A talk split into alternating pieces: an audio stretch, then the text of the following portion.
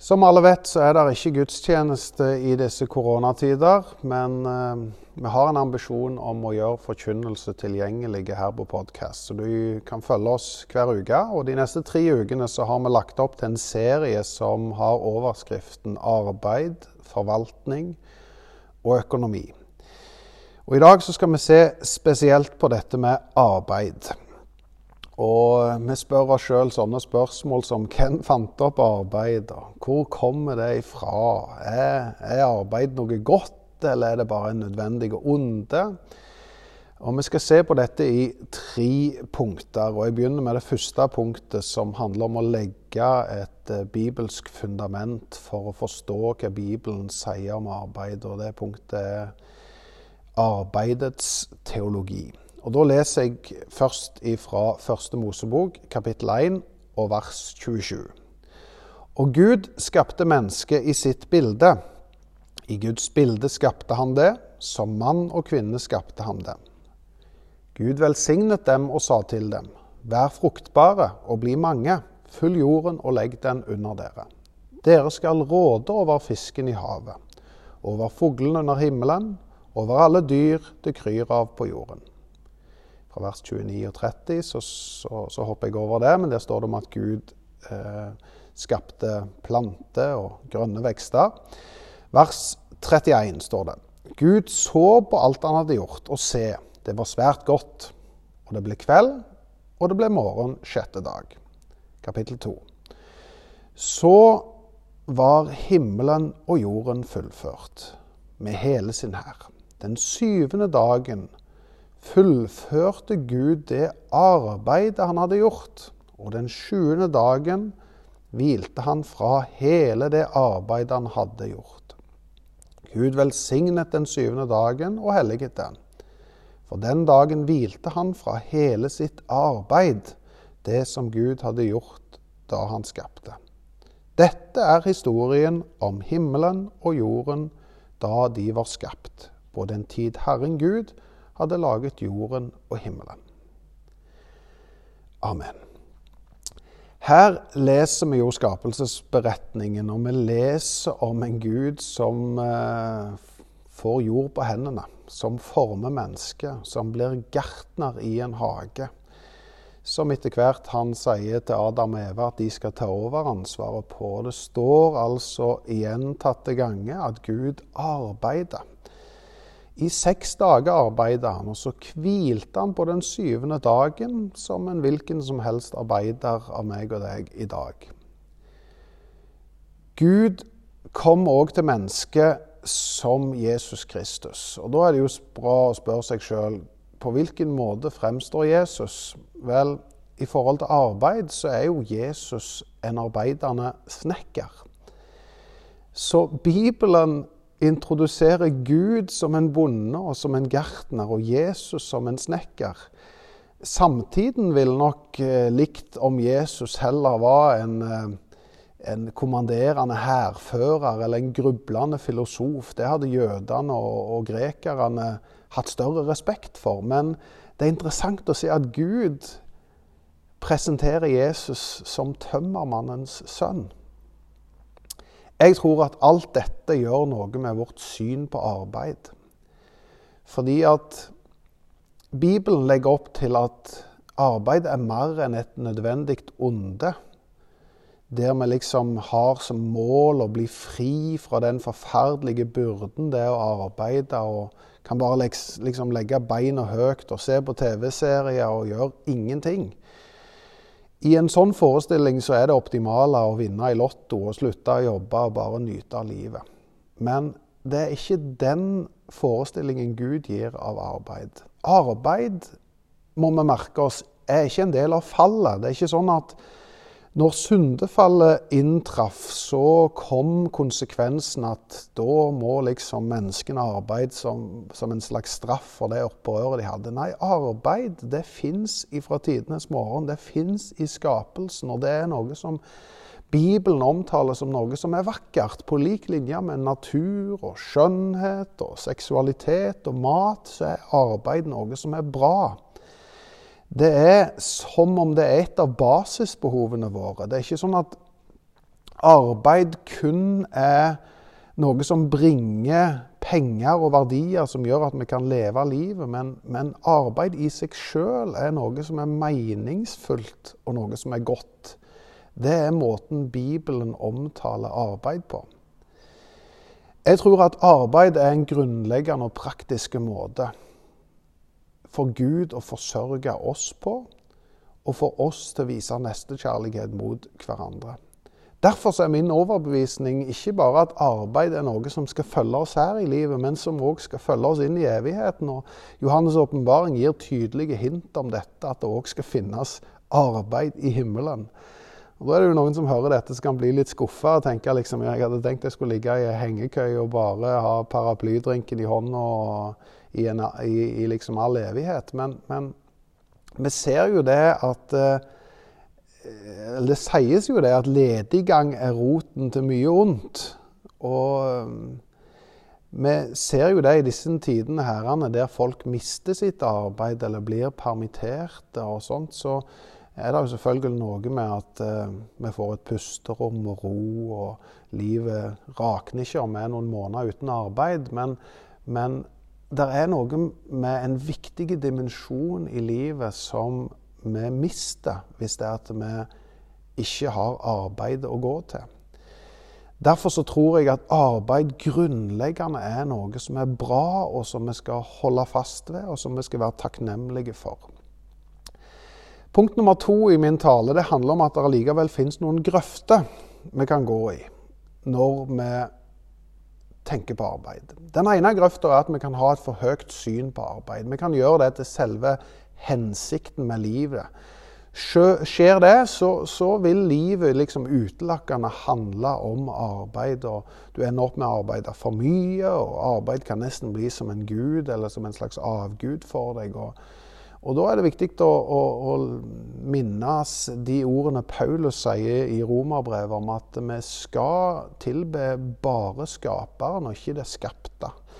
Og når alt kommer til alt, så er det ikke det du kommer til å huske på dødsleiet. Det er liksom å finne fram fortjenestesmedaljene du hadde i ditt arbeid. Men, men eh, få et balansert syn på dette. Ikke ha et så høyt syn at livet handler om at det er hensikten med livet.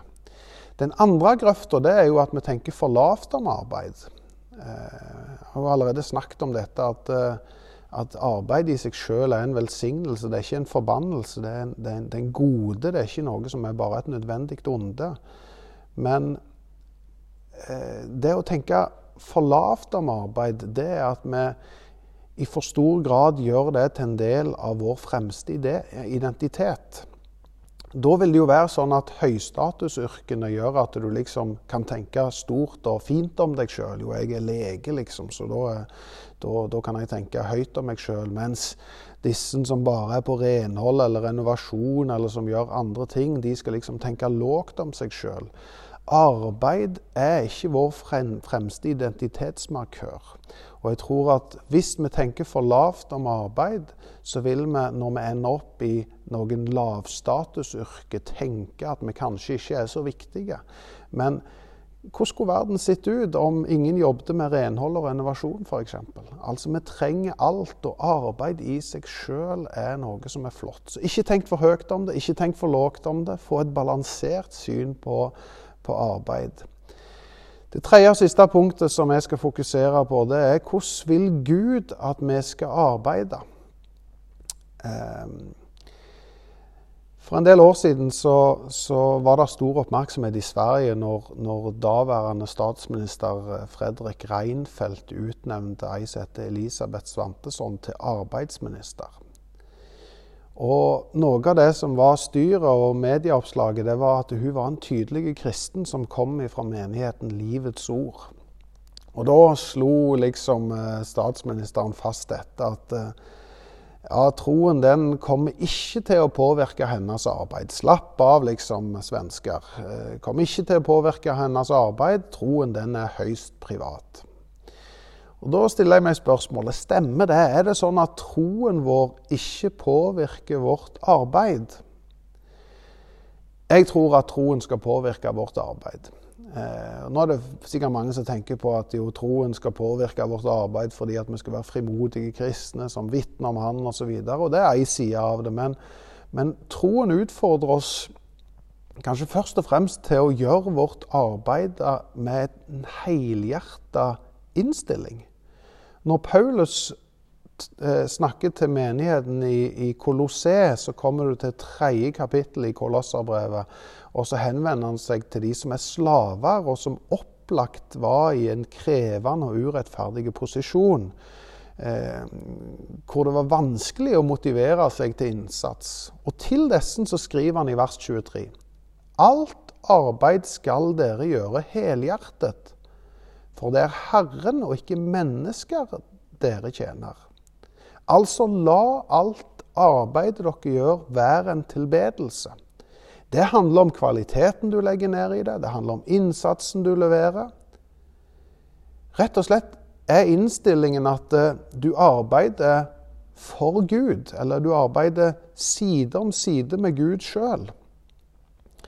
Og det å invitere Gud inn i livet sitt eh, er jo det å bli en kristen og få han som både frelser og herre. Da tror jeg du kan invitere Jesus òg inn i arbeidslivet. Og der tror jeg Gud utfordrer oss til å la vår innstilling til arbeid være en del av vår tilbedelse.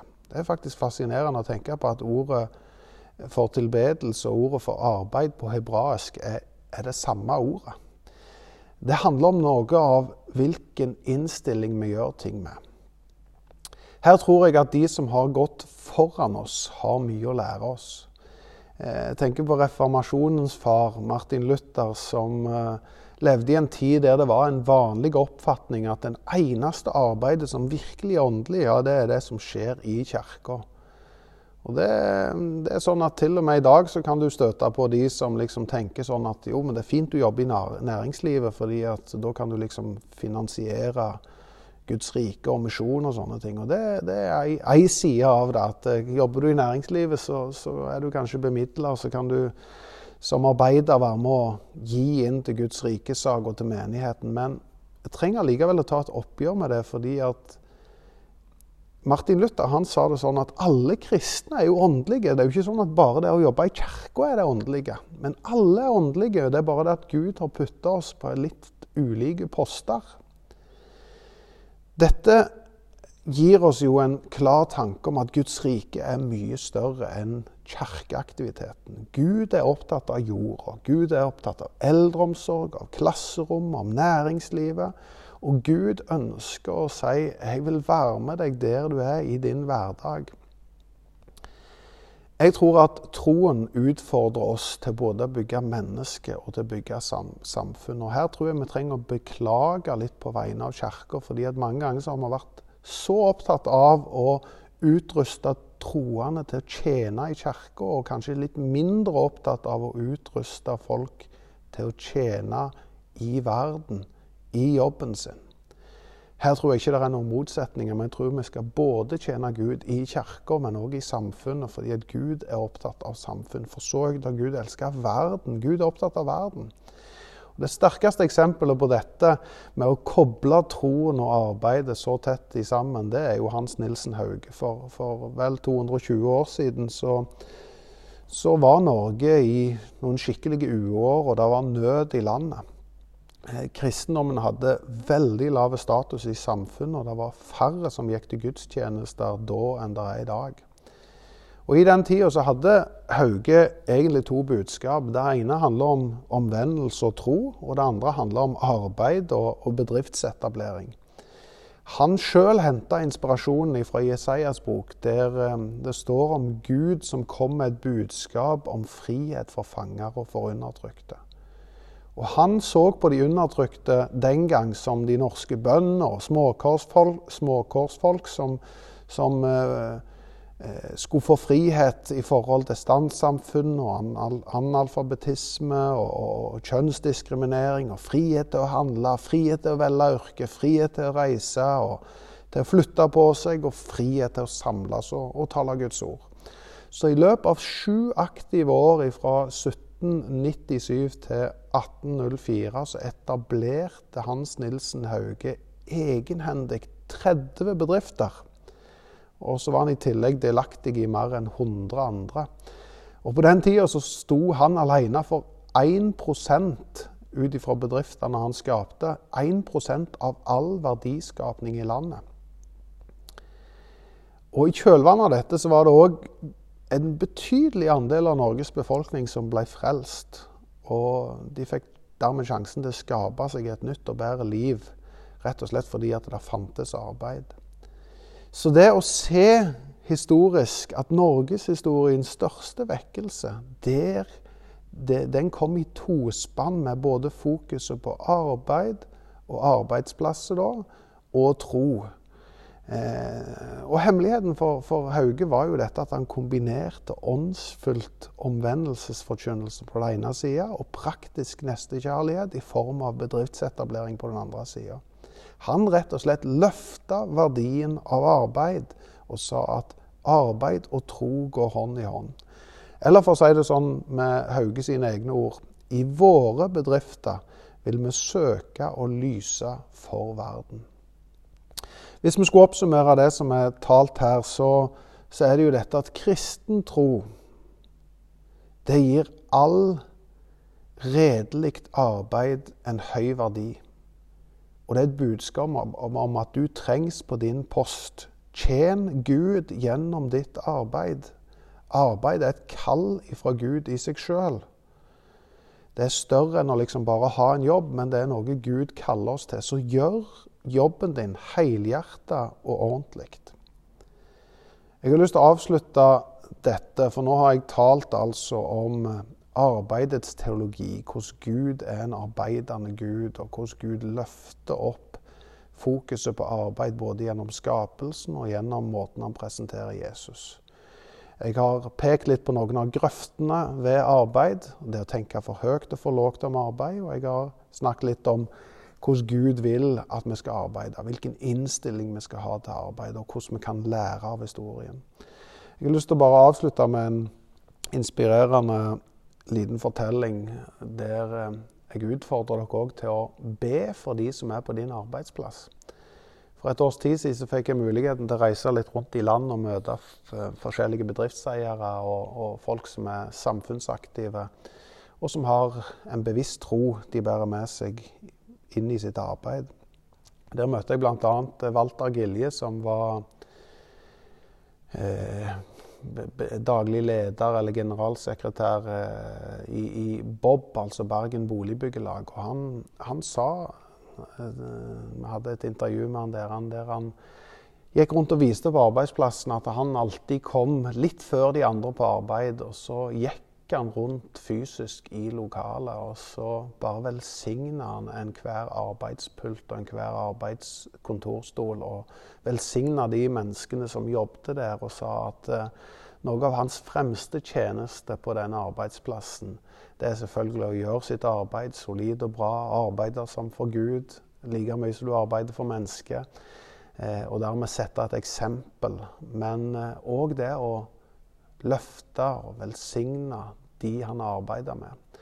Og Han sier at han tror at det er noe av årsaken til at uh, Gud leder han til mange gode samtaler midt i arbeidslivet. Rett og slett fordi han hadde en velsignende og forbedrende holdning til alle han nevnte ved navn, og som han velsigna og ba for hver eneste dag. Ta det som en oppfordring at du på ulike måter, gjennom bønn, gjennom arbeid, gjennom holdning og innstilling kan være med å påvirke samfunnet, og dermed gjøre Gud en tjeneste. I Jesu navn. Amen.